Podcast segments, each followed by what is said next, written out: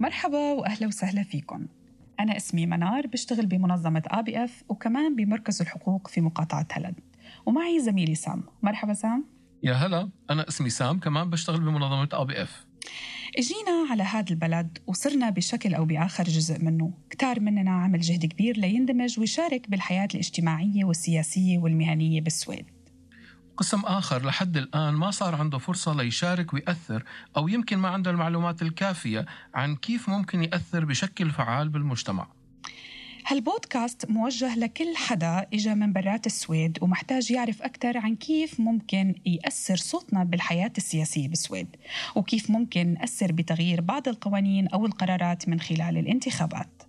من خلال هالبودكاست رح نحاول نسأل أسئلة يمكن خطروا ببال كل حدا فينا عن كيف بينتخب وشو أنواع الانتخابات ومين له الحق فيها وشو بيصير بيوم الانتخابات وحتى بعد التصويت.